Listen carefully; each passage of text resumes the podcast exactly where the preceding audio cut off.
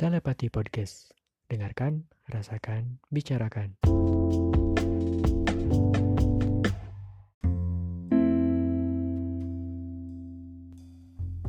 Selalu belajar dari masa lalu. Sakit sekarang adalah buah dari bahagia masa lalu. Dan bahagia sekarang adalah hasil dari sedihnya masa lalu.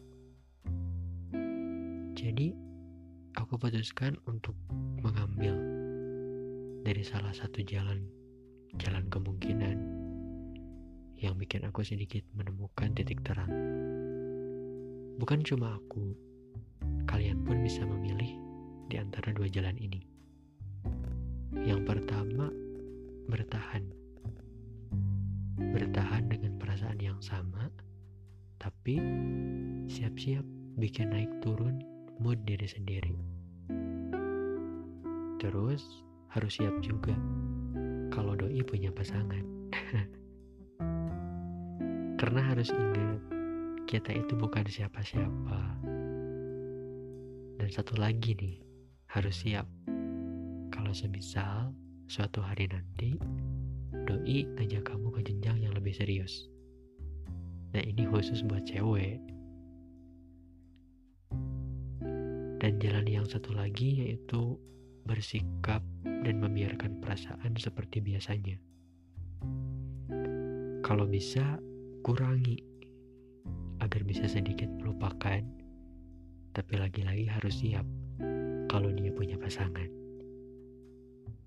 Dan kita harus dewasa untuk tetap menjaga pertemanan.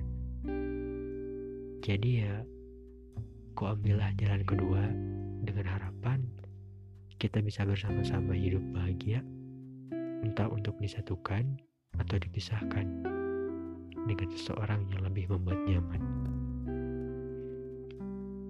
Dan sekarang lagi di fase ya biasa aja, gak terlalu berharap, karena pernah ngerasain berharap dan berharap dari yang gak pasti itu melelahkan. Sebisa mungkin kita harus bisa menahan agar tidak dipaksa untuk masuk lagi ke zona perinzonan.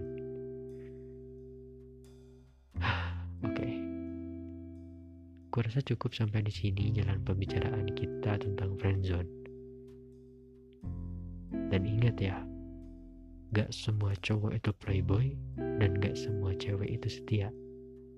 Semua janji kadang bisa untuk diingkari. Semua hubungan kadang tidak sesuai ekspektasi namun yang jelas, saat ku pinang kau dengan bismillah, itu adalah bukti, bukti yang sangat cukup membuktikan dirimu hanya bisa menjadi milikku. Hati manusia bisa sama, cepat untuk berubah. Jadi jangan terlalu percaya akan sesuatu hubungan di luar janji suci. Sekalipun ada, itu cuma satu jalannya. Berkomitmen. Namun lagi-lagi itu pun harus menerima segala-galanya. Termasuk menerima jika dewasa kita tak bisa bersama.